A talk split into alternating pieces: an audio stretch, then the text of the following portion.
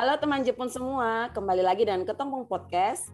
Kalau di episode kemarin Ketong su omong tentang mindfulness, maka menyambung dari situ di episode 8 kali ini Ketong mau membahas mental health issue atau kesehatan jiwa. Nah, di sini Beta Flo ditemani oleh Atek. Hai. Helen. Hai. Uh, dan satu uh, special guest gitu ya di sini Beta punya teman, Bepung sahabat dulu dari zaman kuliah di Jember. Please welcome Ani. Yeay. Halo semuanya. Apa kabar? Ini tamu mahal ya, Bu? Oh, mahal banget ini. Jauh-jauh gitu ya, ketong undang dia langsung dari Surabaya. Uh, halo semuanya, salam kenal. Aku Anis atau bisa dipanggil Nisa juga. Uh, senang rasanya bisa bisa diundang di podcast Ketong punya podcast Ketong ya. Punya. Salam dari Surabaya. Surabaya Kupang terasa dekat. Mak, ini kan kita lagi bicara tentang kesehatan jiwa ya. Mungkin bisa boleh diceritakan, di-share. Mungkin Anis punya pengalaman gitu tentang ya tentang masalah seputar topik kita kali ini? Kesehatan jiwa ya. Mm-hmm. Mungkin setiap orang itu pasti akan punya masalah dengan kesehatan jiwa. Tapi mm-hmm. menyadari atau tidak itu kan memang uh, jadi hal yang pembeda. Kebetulan saya itu eh, eh tunggu dulu by the way ini first time untuk spesial untuk ketemu punya podcast saya pick up Yeay, Jadi luar biasa sekali. Thank you Ani. Suatu kehormatan. Ya. Oh iya, ini uh, apa ya memang memang mungkin sudah waktunya speak up ya karena uh, saya ingin salah satunya salah satunya saya ingin menyampaikan pesan bahwa uh, jangan merasa malu ketika punya masalah dengan jiwa apalagi apa ya kesehatan jiwa lah jadi itu uh, semoga dengan dengan obrolan santai ini stigma itu bisa bisa diminimalisir. Jadi kita bisa lebih aware dengan kesehatan jiwa jiwa kita. Mm-hmm. Kebetulan ya kebetulan memang saya punya kesehat apa ya masalah jiwa itu sejak 2018 karena ada uh, ketrigger sesuatu akhirnya yang membuat saya tergerak untuk mendatangi psikiater di salah satu rumah sakit Surabaya. Okay. Uh, eh, nanti yang pengen yang pengen tahu rumah sakitnya, dokternya mungkin bisa ya gitu kan message pribadi ke saya. endorse mah endorse. oh, ini, ini pasien yang jadi baper gitu kan. endorse, endorse ya, ya semoga dokter dengar. uh, enggak, uh, dulu sih tahun 2018 itu ketika informasi belum sebanyak sekarang uh, apa ya bukan stigma sih tapi uh, apa ya kayak ada ada ketakutan tersendiri untuk mendatangi psikiater atau polijiwa lah. Mm-hmm. Tapi kalau misalnya sekarang itu kan sudah uh, akses informasi tentang kesehatan jiwa, terus praktisi-praktisi yang mungkin lebih fokus ke mental health itu sekarang sudah banyak kita temui.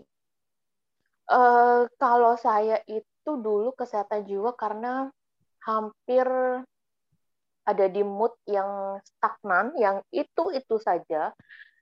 Awalnya saya denial, awalnya apa ya, hmm, masih bilang, oke okay nih aku masih baik-baik aja gitu kan. Tapi ternyata itu uh, adalah salah satu hal pemicu yang akhirnya uh, tergerak untuk datang ke psikiater.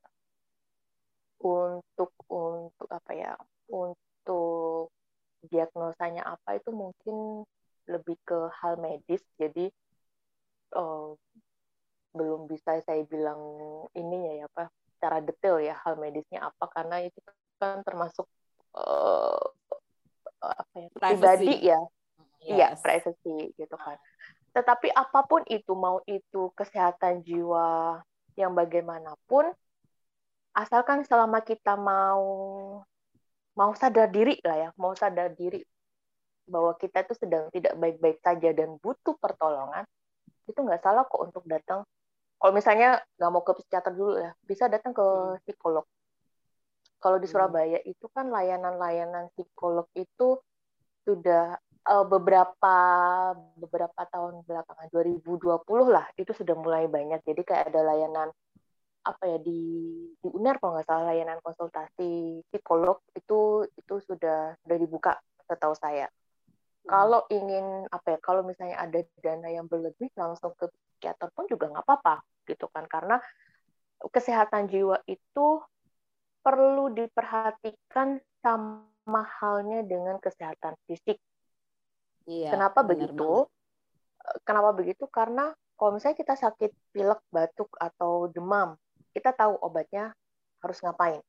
Tapi ketika jiwa kita yang apa ya, yang tidak baik-baik aja, misal kayak ini aku kok uh, mungkin awalnya stres gitu kan, tapi stres kok akhirnya berkepanjangan, bisa berhari-hari, berminggu-minggu, stres nggak bisa mood ngangkat, mungkin itu perlu dipertanyakan lagi gitu kan dan perlu pengaku jujur jujur dari diri sendiri bahwa I'm not okay.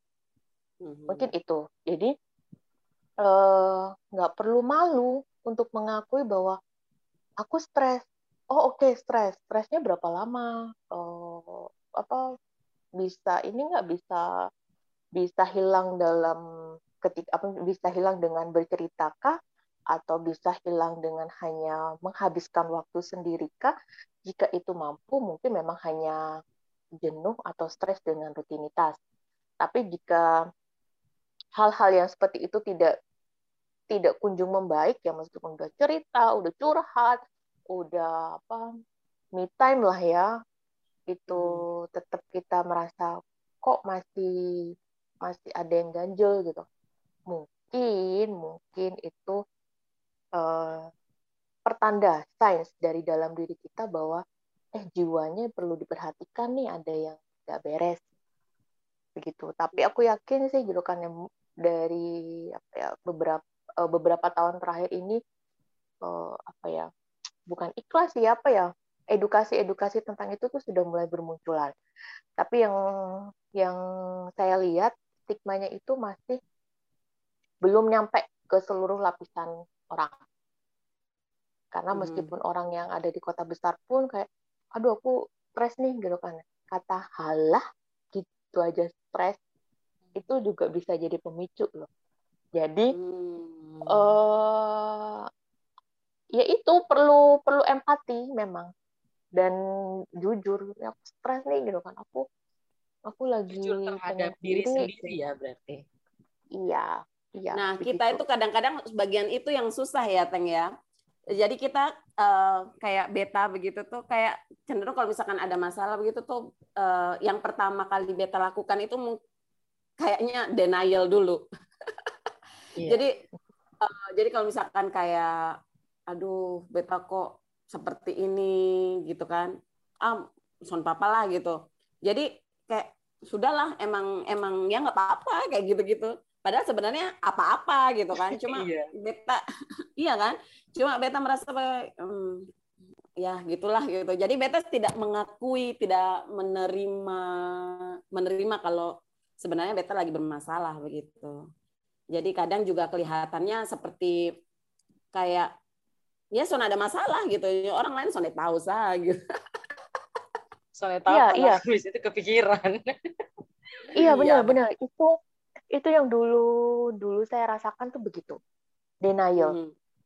Jadi denial terus-terusan yang akhirnya hmm, kadang kan kita kalau misalnya nangis selesai nangis tuh kayak lega gitu ya plong. Hmm. Hmm. Itu uh, ada di tahap nangis pun itu tidak tidak melegakan atau saat beribadah pun saat sholat pun itu tidak melegakan sampai hmm. sudah ada pada tahap itu jadi memang uh, denial denial itu gitu kan ah nggak apa-apa nanti hilang hmm. sendiri ah nggak apa-apa nanti hilang sendiri itu nggak hilang dia tuh hanya ibaratnya cuma dia aja, aja gitu iya nunggu nunggu trigger yang lebih boom iya. gitu untuk akhirnya begini jadi kayak beta, beta ini kan tipikal orang yang uh, ekstrovert, yang suka apa ya, suka curhat gitu kan, yang yang yang terbuka lah dengan teman-teman gitu kan.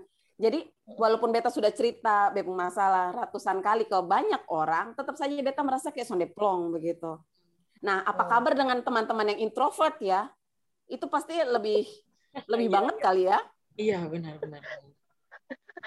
introvert itu kan sebenarnya pemikir ya. Uh, hmm.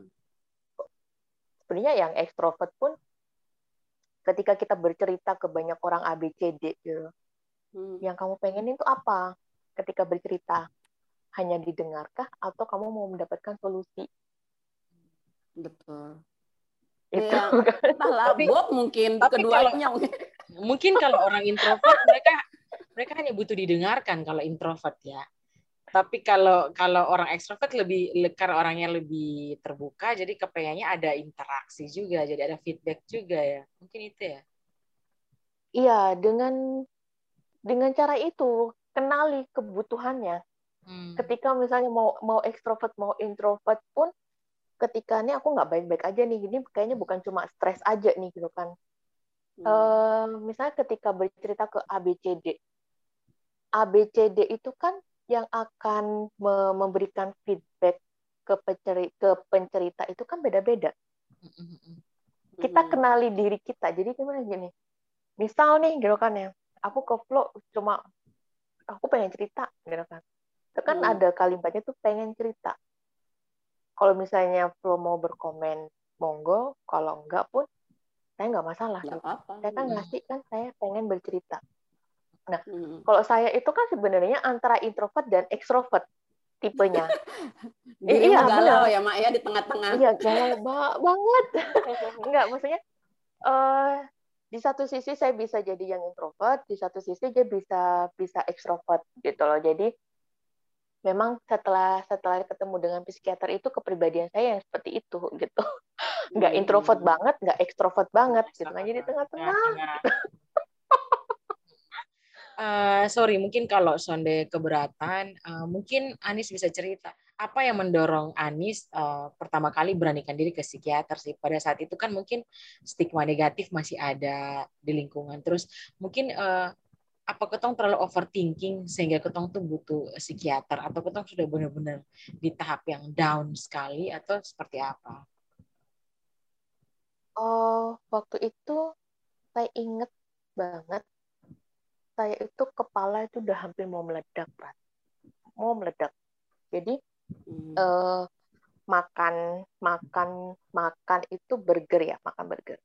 Aku makan setengah aja itu sudah sudah merasa kenyang dan aku punya energi yang full seharian. Hmm. Ya, terus kemudian uh, apa? Ini ada yang salah, gitu. Ini ada yang salah.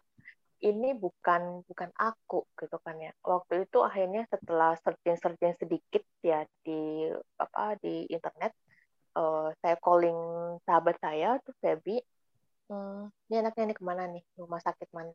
Kan? Yang available aja yang dokternya tidak harus janjian di hari dan jam yang sekian. Waktu itu ada satu rumah sakit yang available Senin sampai Jumat selalu ada. Ya udah langsung tergerak aja. Saya anggap itu adalah salah satu kemudahan pertolongan karena hmm. uh, saya ini nih, saya menyadari itu saya bercerita, saya mena saya menangis, saya bersolat uh, itu tidak melegakan. Jadi saya ini kenapa gitu loh karena saya sudah capek. Itu berlangsung itu berapa hal, lama? Sebulan lebih. Oh. Sebulan, sebulan lebih lama juga ya? Iya. Sebulan lebih. Hmm. Sebulan lebih. Waktu itu ya uh, faktor pendorongnya itu karena saya itu nangis kok tidak tidak bikin lega sholat kok malah saya itu kayak ini kayaknya nggak adil deh Tuhan gitu kan itu hmm, sih mulai gitu kan. menyalahkan Tuhan gitu ya Yes, benar. Akhirnya ya itu mungkin akhirnya sama Tuhan tuh dijawab nih, gitu kan, minta tunjukin nih jalan ke rumah sakit nih, gitu kan, ketemu sama dokter itu, gitu kan. Udah akhirnya ya sudah, akhirnya waktu itu sih masih belum kepikiran uh, orang akan akan akan gimana pendapatnya karena uh, apa ya? Saya masih masih waktu itu masih belum belum belum berani untuk untuk bilang ke semua orang gitu kan. Hanya Hmm. beberapa orang terdekat lah sahabat dan adik saya yang saya kasih tahu. Waktu itu sih memang apa ya? Faktor pendorongnya itu karena saya merasa there's something wrong with me gitu kan. Kayak Hmm. kayak udah mau kepala tuh udah mau pecah gitu kan. Saya nggak bisa nerima hal-hal baik jadi tuh kelihatannya tuh semua tuh buruk semua tuh negatif gitu kan. Gitu jadi apa sampai ini ya, sampai nggak suka lihat orang ketawa ya. ah iya iya bener. Ngelihat orang ketawa orang bahagia itu sampai benci banget. Aku tuh lagi sedih gitu kan. Aku tuh lagi apa ya lagi nggak baik-baik aja. Kenapa kalian ketawa? Kenapa kalian bahagia? Gitu. Sampai segitunya ya. Ya, begitu. Iya, makanya dulu kan ketika eh sempat ada juga sih komen eh, salah satu teman lah ya. Eh, ketika saya waktu itu gini, saya mau nebus obat, itu kan ada stempel poli jiwa. Hmm. Kamu sakit jiwa nih? Uh, itu rasanya itu yang oh oke, Iya, stigmanya tuh masih stigmanya tuh masih Iya, iya. masih negatif banget. masih negatif sampai sekarang eh kalau sekarang sih mungkin orang-orang itu apa ya paham tapi untuk tergerak akhirnya ke sana itu juga masih antara Masih. hati dan mulut itu berbeda Iya, iya. Iya. Mahal kali, karena mahal kali. Eh, Tapi mahal kayaknya itu ditanggung BPJS juga kali ya, Mak ya.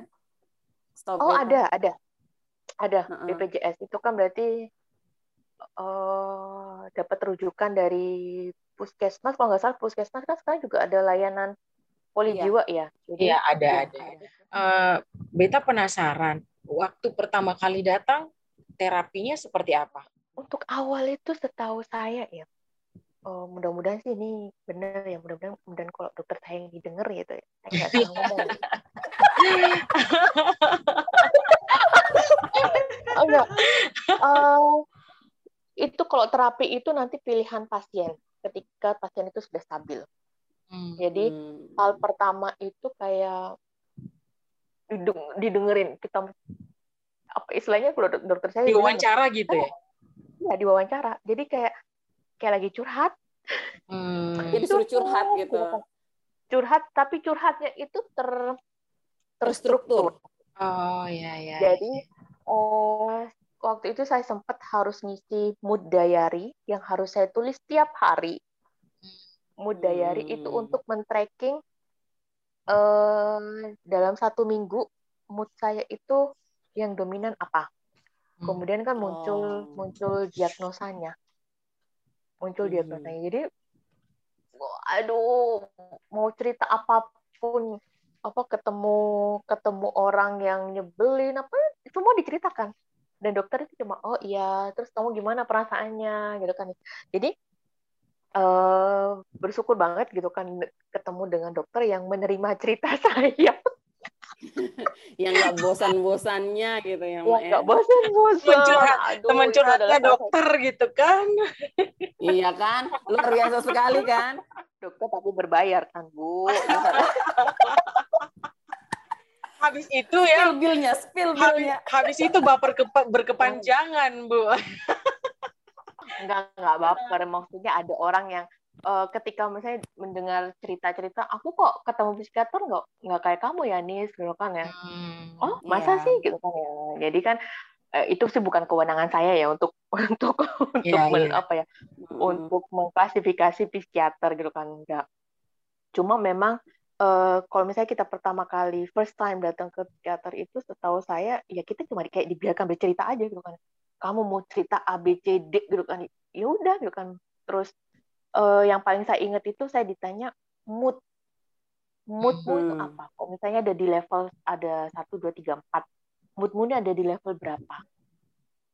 Gitu. Jadi apa ya eh selain mood ini gitu kan ada mood lain nggak yang yang mendominasi gitu jadi Mhm. dibiarkan bercerita gitu kan dan memang sempat dikasih obat juga obat obat obat penenang ya penenang itu akhirnya bikin kita ngantuk Hmm. Mm-mm. dan waktu itu sempat nanya gitu kan ini bisa dibeli tanpa resep oh nggak boleh gitu kan karena obat ini masuk golongan psikotropika Eh iya, iya. apa sih sebutnya ya? Iya, uh, betul. Nah, uh -uh.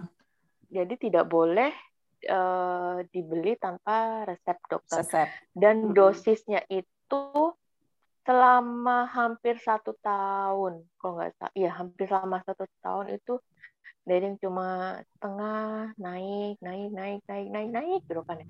Kalau hmm. saya itu kan ini minum obat itu merasa bahwa mindset ya waktu itu mindset minum obat berarti sakit gitu kan. Ternyata hmm. salah kan mindset itu bahwa obat itu hanya membantu pasien untuk stabil sehingga diajak berdialog, berdiskusi uh, untuk pengobatan. Jadi lebih enak gitu. Jadi nggak mungkin dong misalnya kita lagi sedih-sedih terus diajak, eh ini gimana nih pengobatanmu mau digimana kan nggak nggak nggak gitu gitu loh. Mm-hmm. Nah jadi selama hampir satu setengah satu setengah itu eh tapi satu tahun aja aku dikasih obat. Selanjutnya tuh sesi konsultasinya tuh lebih pada hmm, terapi mencari akarnya akar ya akarnya hmm. ketika hmm. sudah ketemu akarnya gitu kan ya akarnya ini mau dicabut nah akarnya mau dicabut ini pakai terapi kebetulan aku pakai hmm. terapi psiko psikoterapi psikoterapi hmm. di situ ada uh, apa ya terapinya itu ada diajarin mindfulness diajarin CBT, diajar apa terus hipnoterapi juga ada gitu kan. Tapi itu pilihan subjektifnya pasien mau apa enggak. Oh, oke. Okay. Hmm. Gitu. Jadi mungkin kalau misalnya apa teman-teman ketemu punya podcast ini kalau ada keinginan untuk pergi ke psikiater segera lakukan kalau misalnya nggak berani minta ditemenin gitu kan ya karena hmm. di ketika ketemu psikiater itu kita cuma di, disuruh curhat. Ah, berarti apa beda psikolog sama psikiater? Bedanya itu psikolog tidak bisa memberikan obat, hmm. uh, tidak punya kewenangan hmm. untuk meresepkan obat. Psikolog itu lebih nanti, kalau apalagi kalau psikolognya psikolog klinis ya, itu kan ada apa ya ada ya dia mirip-mirip psikiater sih setahu saya. Tapi kok hmm. psikiater ini dia lebih nanti lebih kompleks lagi, jadi bisa bisa punya kewenangan ini pasien uh, bisa kasih obat atau enggak hmm. gitu. Mm-hmm. Kalau psikolog sih nanti uh, terapinya mungkin kurang lebih sama ya karena nanti ngisi CBT juga terus ngisi kolom-kolom apa ya itu dulu namanya ada 500 pertanyaan lah gitu kan ya. Jadi itu kayak Waduh. apa ya? Wah, kayak ujian, kuesioner iya, gitu. Bener, bener. Dan itu eh bener, saya waktu itu gini, jadi terserah nih waktunya mau kamu kerjakan seharian, tapi ketika kamu jeda, kamu tulis ya, kamu jedanya itu dari jam berapa, terus mulai lagi dari jam berapa. Saya harus hmm. begitu. Uh, kalau di psikolog sih saya kurang kurang tahu ya, gitu kan. Tapi mungkin metodenya mirip mirip dengan itu. Hmm. Begitu. Jadi jangan takut untuk ketemu psikiater dari jangan minder juga kalau misalnya punya masalah dengan uh, kesehatan jiwa karena jiwa itu juga perlu dirawat. Jadi kan ada ini kan sehat jiwa raga itu bukan cuma sekedar slogan, tapi memang kalau benar-benar mau dihayati itu memang benar-benar kesehatan jiwa itu memang harus benar dijaga. Mensana in corpore sano, enak. Ah, iya. itu, itu, itu ingat itu. Aku mau ngomong itu lupa. Betul banget. Hmm, kalau mis, ya dulu saya juga begitu kan di ketemu di depan orang gitu kan kayak kayak nggak punya masalah gitu ya kayak nggak nggak stres gitu loh. Kalau sekarang sih mm -hmm. karena uh, karena sudah dapat dapat ilmunya terap apa ya di terapi apa segala macam itu ketika uh, selesai kerja yang harus begini di kamar uh, sendirian melo apa gitu kan. Ya udah coba inhale exhale gitu kan ya. Uh, sadari nafas bahwa saya itu ada di sini gitu kan. Kalau misalnya inhale exhale itu masih belum melegakan saya coba tulis. Jadi saya punya punya buku jurnal yang saya tulis sebisanya saya tulis setiap hari. Saya punya jurnal jadi uh, pengalaman yang saya dapatkan hari itu apa, uh, pelajaran yang harus saya apa ya yang harus saya pelajari lagi itu apa selama dalam satu hari yaitu saya tulis itu kalau untuk saya itu membantu biar apa ya nggak melo-melo nggak jelas gitu kan ya. ya mungkin kalau cewek mungkin ada masa-masanya melo nggak jelas itu karena mungkin hormon ya ada iya hmm. itu akhirnya kita tuh akan lebih lebih lebih aware gitu kan. Ketika oh aku waktunya menarik menarik diri dari dari komunitas nih. Aku butuh waktu sendiri. Nah, me time itu kan bisa dengan ngepel, nyapu, nyuci itu bisa disebut dengan me time. Oh, nggak harus ini ya, nggak harus liburan ke Bali, nggak harus. Habis pulang dari Bali, itu stres duit nggak ada, gitu. yang ada stres balik lagi, gitu. Iya benar, benar. Jadi ya itulah sekarang itu ya uh, self healing yang sedikit melenceng dari arti yang yang sebenarnya. Me time hmm. sendiri pun kalau kalau saya ya, misalnya ini habis uh, inhale, exhale, gitu kan masih belum melegakan, belum menulis belum juga melegakan, saya bergerak. Kalau misalnya masih malas gerak, ini ditunggu nih, gitu kan ini berapa lama nih tubuh nggak mau bergerak, gitu kan. Jadi selalu ajak diri kita yang ada di dalam diri kita ini itu untuk uh, apa ya berinteraksi juga. Gitu kan. Jadi aku belum mau gerak, oke nggak mau gerak, berapa lama nih nggak mau gerak sejam oke tiduran aja dulu sejam setelah itu setelah satu jam uh, apa coba lah untuk untuk gerak.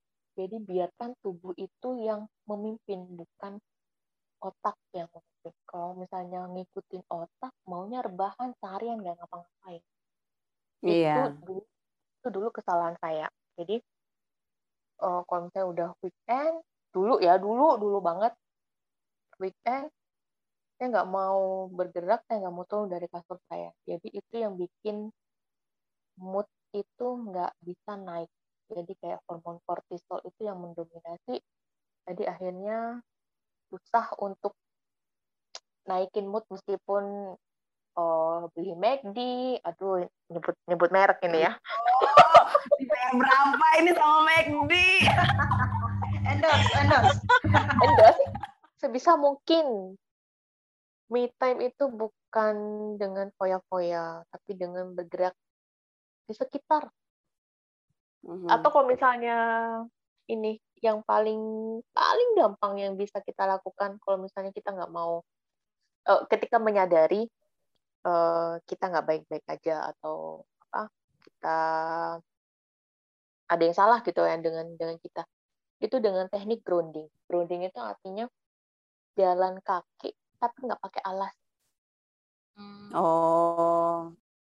Rasanya kaki nggak pakai alas apa napak batu, uh, jalanan yang pasir, kan ya. itu dirasakan. Mm-hmm. Sebisanya jangan, tapi kan nggak bisa nih nanti overthinking begini-begini gitu kan ya. Dilatih untuk melihat apa yang di depan itu kalau misalnya ingin mengembalikan uh, mood ya sama apa ya ini ini ini aku punya masalah kejiwaan atau hanya sekedar stres atau hanya sekedar frustasi itu untuk awalan. Jatuhnya kayak mindfulness juga ya Nis ya? Mindfulness sih ya bisa. Mindfulness itu kan bisa bisa saat makan atau nonton TV mm -hmm. pun itu kita juga bisa mindfulness mindfulness itu kan yang ada di depan kita sekarang yang kita adepin itu itu itu kan mindfulness sama kayak hmm. ini contoh contoh mindfulnessnya itu waktu makan waktu itu siang itu aku tuh nggak kebagian sendok yang hmm. ada itu sendoknya hokben ini udah mau udah mau marah nih kan yang gitu kan gila aku nggak kebagian sendok nih teman-teman nih gitu kan sendok dipakai semua gitu kan tapi akhirnya tuh gini oh ini sendok Hokben. Kan fungsi sendok sama-sama bisa bantu saya makan. Sudah, ini sudah makan. Itu kan masuk mindfulness juga. Simple banget mindfulness itu. Jadi kalau misalnya mm -hmm. kayak di kamar pun gitu kan ya, kita habis ketemu teman terus kembali ke kamar, oh apa?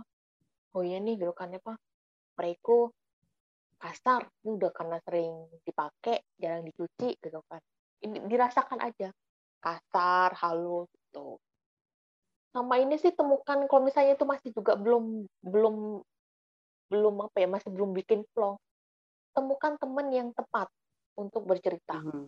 Kalau misalnya nih uh, in case ya kita kita sendiri atau teman kita mungkin um, memiliki masalah-masalah yang tadi disebutkan di atas gitu kan. Itu tuh apa saja sih yang boleh dilakukan atau dan yang tidak boleh dilakukan? empati dulu empati Empati. semuanya semua tuh empati dulu jadi ketika kan gini apa yang masalah kita yang buat kita masalah kita besar itu kan belum tentu juga besar untuk orang lain. Tapi kan ketika Betul. kita punya empati gitu kan oh nggak enak ya nih rasanya oh minum obat penenang gitu kan itu oh, nggak apa-apa nih minum obat penenang itu kan secara tidak langsung begitu. Jadi eh cuma kan gini kan kebiasaan kita dan aku yang dulu itu kalau misalnya ada orang bercerita tuh "Hmm, pengen pengen komen gitu kan pengen komen gitu. Oh boleh gitu kan ya boleh. Kalau misalnya kita sudah mengenal dengan baik orang tersebut tapi kalau misalnya eh jiwa itu kan bukan benda eksak ya. Dan Hmm. kita tidak bisa prediksi oke nih meskipun aku tahu flow gitu kan. Kalau misalnya dia bercerita terus kemudian aku guyonin pas atau enggak gitu kan. Tapi ketika Hmm. kita kita mengedepankan empati mau oh gitu ya Flo, rasanya ditinggalin ya. Oh. aku inget nih ini kalimat dokterku tuh yang bikin aku tuh mikir banget dan akhirnya aku tuh tidak tergantung sama orang lain. Satu orang yang tidak akan meninggalkan kamu itu adalah diri kamu. Yang ada di dalam kamu itu itu kamu ya kamu mau mau mau mau dikritik 100 orang gitu kan mau ini gitu kan tapi kan ada satu orang yang tidak akan meninggalkan Betul. dan itu bahkan bayangan saja akan meninggalkan kita, Pak. Iya. dalam Uh, poin penting yang selama ini uh, beta terapkan tuh empati. Mhm. Yes. Karena uh, setiap orang individu beda-beda ya, background kita dengan latar belakang beda-beda, uh, cara kita dibesarkan di keluarga juga berbeda. Jadi uh, seperti uh, Anis bilang tadi, uh, mungkin uh, menurut seseorang yang uh, misalnya seperti kayak menurut kita sih ah biasa saja, tapi bisa jadi itu masalah yang sangat besar untuk dia. Iya. Contoh misalnya, ah dia nggak bisa eh, palu apa maksudnya paduan suara misalnya gitu ya. Kita bilang ah itu gampang bisa, tapi ternyata sebenarnya itu menjadi salah satu yang bikin dia minder sekali. Misalnya si A ya, minder sekali sampai malu, sampai yang malu sampai nangis. Itu pernah di SMA. Kalau beta ya, kayak pernah misalnya masalah-masalah itu kayak lagi misalnya pernah di uh, PHP ataupun pernah ditinggalkan misalnya seperti itu ya maksudnya ketong sakit hati dan ini ya kalau beta pribadi ya beta Hmm. rasakan itu sakit beta rasakan itu sedih nangis tapi habis itu sudah nanti besok Hmm. nangis terus itu sudah jadi kalau beta pribadi sih em, seperti si Anis bilang nulis ya itu kadang-kadang Hmm. itu itu terapi terapi. Kita Betul. tulis semua yang kita ini habis itu kadang-kadang setelah itu kita baca lagi oh sudah bakar kayak gitu bakar Iya, hilang. Maksudnya ya gitu. Kalau beta Iya. menurut beta itu beta bakar. Sudah sumbu masa lalu lah ya kayak gitu. Tapi kadang-kadang ada bagian-bagian yang beta masih tetap simpan. Dia baca ulang itu juga terapi. Eh, setiap orang tuh punya uh, pemulihan apanya masing-masing ya. Mungkin Iya. kalau beta, mm-mm. kalau beta istilahnya ya beta dengar yang beta uh, pas lagi sedih bisa juga beta kasih supaya ini dengar lagu sedih, tapi terus itu be ah sudah bangkit lagi dengar lagu senang kayak gitu. Atau kadang-kadang beta butuh orang juga. Orang tuh kalau beta pribadi ya selama ini kalau yang sesuatu yang sudah sangat ini beta pasti ngomongnya ke beb bapak atau beb mama sampai beb saudara cowok juga istilahnya kalau ada pendapat tentang ini beta karena dong paling dekat dan beta, dong pasti uh, mau yang terbaik juga untuk beta. Beta tanya dong pendapat, kayak gitu. Mhm. Perlu orang untuk mendengar ketemu keluh kesah, kayak gitu. Walaupun kadang dong sonde mendengarkan. sonde kasih solusi, tapi cukup kasih kuping sah. Benar. Mm-mm. Setuju Ellen. Karena kadang orang Setuju. hanya kepengen mau dibica mau didengarkan saja. Mau didengarkan. Ya, hanya Iya. dengar saja. Betul. Iya, Hmm. Iya betul. Dan Jadi kadang-kadang kadang-kadang istilahnya kayak gitu tuh kotong malah dengan kotong cerita saat terus itu sudah nanti kotong bisa sembuh dengan berangsur-angsur Iya, menyembuhkan Benar. diri sendiri. iya. Ini Setuju. contoh juga ini juga contoh pas waktu uh, beta merasa tersakiti dengan seseorang, lalu Iya. kemudian beta ceritakan kepada Ateng, terus Ateng yang on fire gitu kan, yang marah-marah gitu tuh. Terus beta ketika, ketika mendengar Ateng marah-marah dan beta tidak bisa marah kepada orang tersebut yang telah menyakiti beta begitu kan. Dan ketika mendengar Ateng yang marah-marah karena hanya mendengar beta cerita, itu beta eh, beta punya rasa marah itu tuh langsung hilang. Jadi kayak Iya, tidak. Diwakilkan ya Bu. Ateng sudah melampiaskan gitu kan, melampiaskan kemarahannya beta yang beta tidak bisa ucapkan ke orang tersebut gitu. Akhirnya Dan itu saya beta yang merasa berdosa.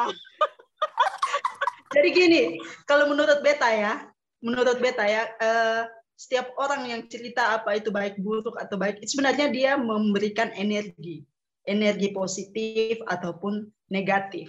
Iya. Jadi kalau kita misalnya kita sendiri misalnya kita mengambil sebagai netral, kita akan eh, eh, tidak terbawa. Terus itu kadang juga kalau misalnya energi dari orang itu terlalu ini kita juga bisa marah. Tapi Mhm. ya sering kan kita juga mestinya mengalami seperti itu kan. Mungkin seperti Mhm. eh, si ini Iya, mungkin pada saat itu beta juga terlalu me- memang sangat memang di luar di luar ini juga sih di luar kontrol Nikotong dan memang itu eh, sudah sangat salah ya orang itu ya. Jadi akhirnya kebawalah emosi apalagi beta orangnya ekspresif kan. Beta iya. beta beta orangnya cuek gitu. Cuman maksudnya ada satu titik yang kalau menurut beta sonde Hmm. itu tuh kayak mengusik banget dengan beta. Jadinya cepat Ya, ya. bereaksi, cepat bereaksi sih lebih ke itu. Makanya tadi beta setuju dengan Ellen, energi positif dan ener ketika ketong lihat orang marah, Ya, Sonde. Contohnya kayak gini, teman-teman. Paling paling gampang tuh kalau ketong Sonde kenal dan orang ketong senyum sah. Kadang-kadang dong senyum balik toh. Iya, Hmm. bener. Dan memang karena kecenderungannya Ateng ini memang apa eh, mungkin karena pengaruh zodiak kali ya. Jadi jadi berapi-api gitu. on fire terus ya. Ya ampun deh. Sebenarnya itu kan kalau misalnya kita kita stres atau apa ya jenuh dengan rutinitas itu kan yang penolong pertama itu kan adalah diri kita yang tahu. Jadi kita ini butuh bercerita atau kita hanya butuh sendiri. Tapi contoh beta tuh kesal sekali sama orang yang benar-benar di depan Mungkin kurang memanfaatkan peluang yang nyalip-nyalip cantik gitu. masalahnya sebenarnya bukan pada orang itu. Mungkin mungkin masalahmu itu bukan bukan bukan karena jalanan yang macet atau apa, tapi mungkin ada masalah lain yang sebenarnya lu tutupi, terus kemudian eh, lu mencari pelampiasan dengan masalah-masalah kecil lainnya begitu. Ya, berpikir begitu juga. Ya, Sepertinya mungkin. begitu. Ya. Memang Ya, jadi gitu. gue Nah, juga kagak nah, Nis. ngerti itu. Nah, Nis, kecenderungannya kita, kecenderungannya kita ini, eh, kita itu suka self diagnose atau kalau tidak Hmm. bertanya kepada dokter Google gitu kan. Kalau misalkan beta seperti ini, beta punya ciri-ciri seperti ini, eh, berarti beta ini masuk ke kategori apa em, depresi kah atau skizo kah atau apalah gitu. Nah, itu sebenarnya bagaimana menurut lo? Apakah memang self diagnose itu tuh boleh atau bagaimana? Enggak. Atau itu atau itu Tidak bagian atau itu bagian dari awareness-nya ketong terhadap ketong sendiri. Iya. Boleh, boleh kok hanya sekedar awareness saja boleh. Tapi kalau untuk self diagnose itu itu bukan otoritas diri kita ya. Apalagi kalau misalnya ini masuk depresi, apa masuk bipolar, atau masuk apalah gitu kan ya. Itu bukan bukan bukan otoritasnya kita. Karena Apa untuk yang bilang untuk istilahnya kelelahan mental? bisa bisa kelelahan mental itu kan sebenarnya ya kalau misalnya aku rangkum dari yang kekinian itu kan sebenarnya mereka sendiri yang menciptakan. Bener. Aku melihatnya kecenderungannya seperti itu. Ada kalanya tuh kita itu sesekali melambat tidak mengikuti rutinitas gitu kan. Tidak harus ngikutin apa yang lagi trendy apa yang lagi ngehits gitu kan. Karena itu kan itu akan menguras menguras energi kita untuk ya akhirnya kan mental kita kan yang yang kena. Akhirnya eh apa mau mungkin gitu kan alah begitu doang nggak bisa gitu kan. Eh, atau hmm, dia bisa masa kamu nggak bisa gitu kan ya. Itu kan sebenarnya apa ya? Eh, kalau aku sih kalimat-kalimat negatif ya kalau buat aku. Apa ya? Less empati yang seperti itu. Jadi boleh sih kalau misalnya kita pengen tahu kadar stres kita atau di dokter Google gitu kan ya hanya Mhm. sekedar mengecek aja boleh tapi tidak dijadikan patokan oh aku Mhm. nih masuk oh masuk mau level depresi nih oh berarti aku kena ini dong mental illness begini-begini nggak enak percayalah trust me punya punya masalah dengan mental illness itu sama sekali nggak enak serius Mhm. kalau bisa gitu kan ya kalau bisa mungkin itu kayak Ellen tuh ya yang bilang "Eh, aku tipe orang yang ada masalah dikeluarkan bercerita selesai selesai gitu kan ya tapi bagaimana dengan dengan orang yang pinter nyimpen yang Mhm. akhirnya untuk mengeluarkan susah, Susah. gitu kan ya. Nah, tapi ketika sudah sudah tahu punya mental illness ya terima dan berdamai dengan itu bukan bukan bukan aib juga gitu loh. Tapi Mhm. jangan mengada-ada juga untuk ah biar mental illness biar sekarang Biar sekarang kan keren gitu. kan enggak karena gini karena aku melihat kecenderungannya sekarang itu dijadikan excuse gitu kan eh aku kan mental illness aku kan begini eh Hmm. aku aku aku yakin lah ya eh, pejuang-pejuang mental illness yang mungkin sedang sedang apa terapi dengan psikiater atau dengan psikolog itu mereka juga kalau misalnya ada pilihan ya nggak mau kok ada di posisi yang seperti ini jadi Iya. jangan jangan jangan merasa bangga juga gitu kan kalau aku sih nggak bangga aku sih cuma beruntung aja gitu kan punya ilmu begini yang bisa bisa aku share Benar, benar, benar. Soalnya, Gitu, soalnya Beta punya teman. Nah, yaitu Oh. dia uh, setel- dia merasa mungkin ya mungkin self awareness pertama ya. Dia merasa bahwa ada yang salah dengan dirinya. Lalu kemudian dia mencari ke dokter Google. Lalu kemudian kan biasa tuh ada kuis-kuis uh, kayak kuis-kuis uh, kamu ya kuis-kuis di internet gitu kan entah benar atau enggak entah enggak ya. Jadi uh, nanti masuk ke level mana nih depresinya gitu kan? Eh, sakitnya di level mana? Terus dia bilang dong ke aku dia curhatkan Flo eh, kayaknya masuk ke apa waktu itu ya? Dia bilang bipolar apa kalau nggak salah? Dia bilang beta masuk nih di sini gitu. Habis itu aduh terus gimana ya? Dia akhirnya panik sendiri terus kemudian ya apa namanya beta tanya di Anis kan waktu itu beta pernah tanya nis ini kalau ada temen yang kayak gini gimana? Gitu. Terus Anis bilang ini coba langsung eh, cari tahu eh, puskesmas atau klinik klinik eh, psikolog atau psikiater terdekat gitu kan. Itu akhirnya beta teruskan ke dia nis. Beta eh, cerita ke beta kasih tahu ke dia coba kalau gitu kamu jangan uh, men self diagnose gitu kan kalau kamu ini ternyata bipolar gitu coba ke yang ahli gitu kan. Jadi eh, tapi waktu itu kayak kayaknya ya setelah eh, beberapa lama kita chat-chatan gitu tuh kayaknya dia nggak pergi nis dia nggak pergi ke mencari pertolongan ya itu. Alasannya dia tuh dia bilang ini karena em, dia low budget lah ya untuk ini. Kan karena ya you know lah beberapa tempat kan memang agak mahal gitu. Nah terus dia nggak bisa afford jadi ya sudah jadi setelah dia cuma lucunya apa ya setelah dia mengetahui dengan dokter Google itu bahwa dia adalah bipolar dia pertama memang agak-agak down gitu kan terus dia tuh suka apa ya dia kalau curhat atau cerita itu dia kayak suka aku tuh dia tuh kepengen kayak aku tuh mengerti dia gitu.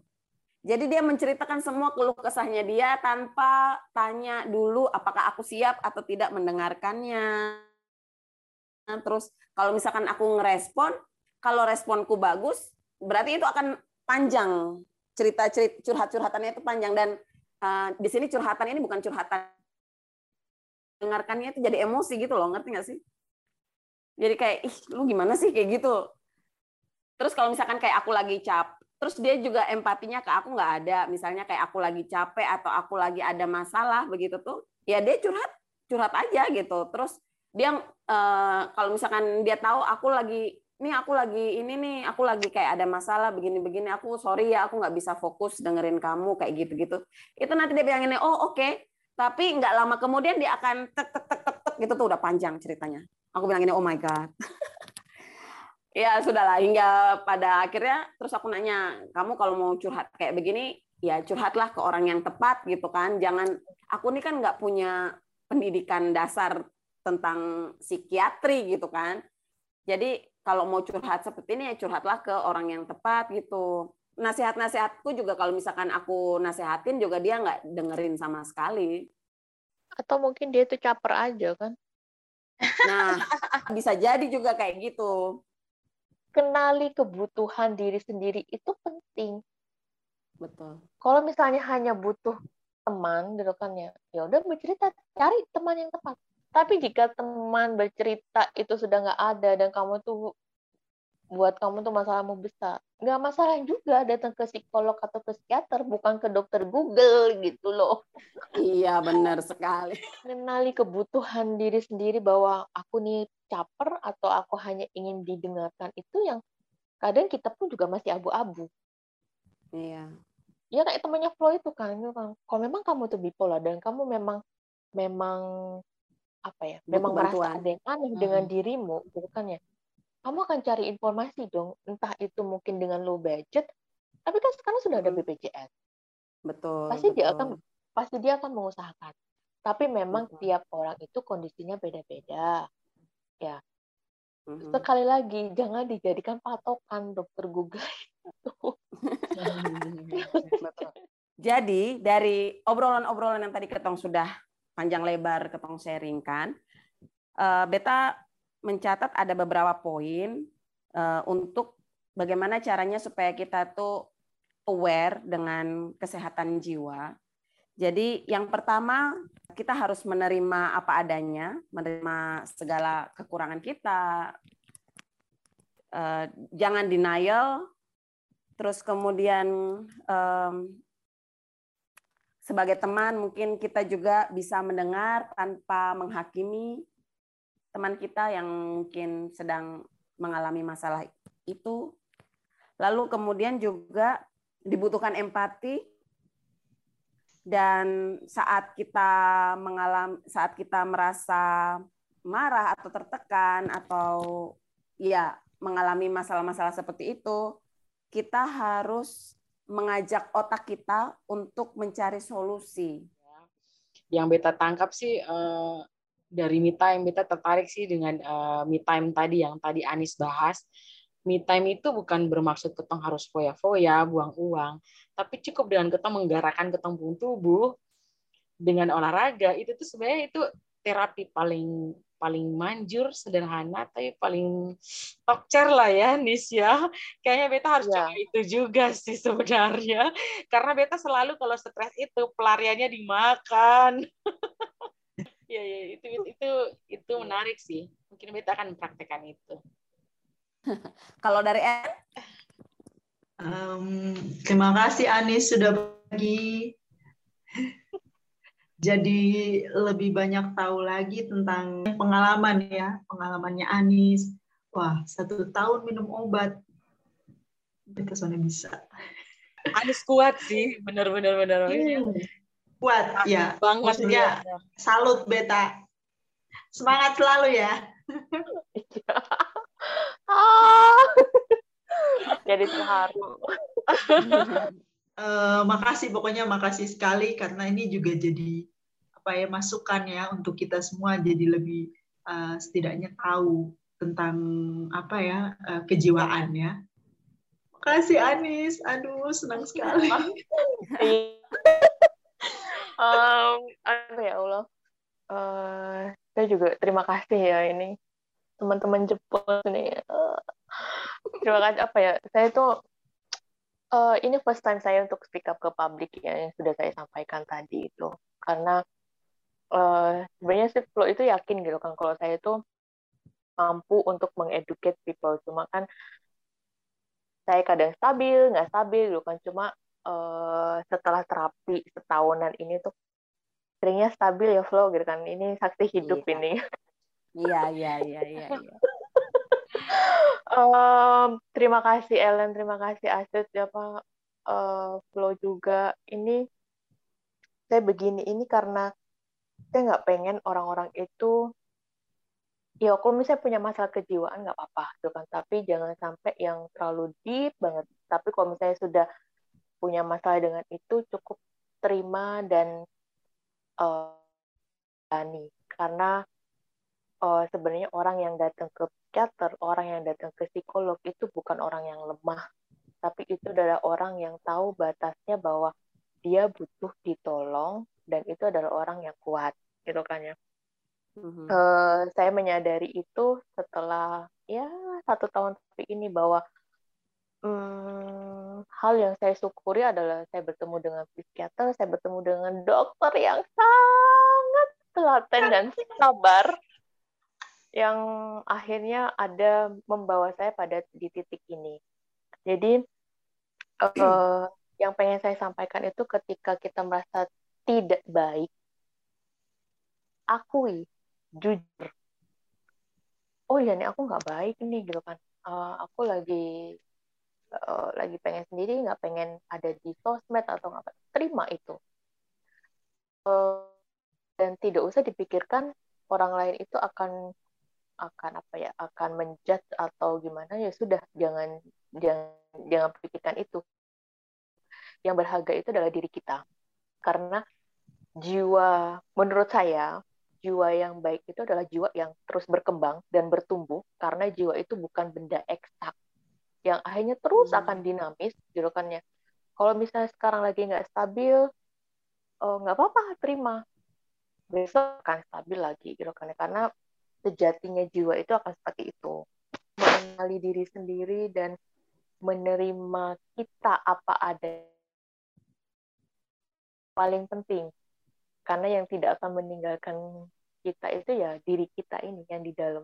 Sering aja sering aja ngobrol kalau saya itu kan hmm. di kaca saya itu ada saya kasih tulisan bahwa saya tulis uh, saya berharga gitu kan kadang kalau misalnya saya ngaca saya baca itu tanya itu kesan sepele tapi ketika kita membaca itu dengan sungguh-sungguh dan meyakini bahwa diri kita dalam diri kita itu juga ada itu ngefek kita jadi uh, saya yang sekarang ini ya ya sangat jauh berbeda dengan saya tiga tahun. Gitu. Jadi jangan malu untuk untuk mengakui dan jujur pada diri kalau sedang tidak baik. Jiwa itu juga harus dirawat sama kita. Gitu. Misalnya kita kan dia nggak lecet, dia nggak terluka, gitu. sama juga dengan jiwa kita dan kita juga berhak untuk melindungi jiwa kita dari dia nggak terluka dia nggak sakit kita juga punya hak. Jadi penerimaan dan mengenali diri sendiri. Gitu.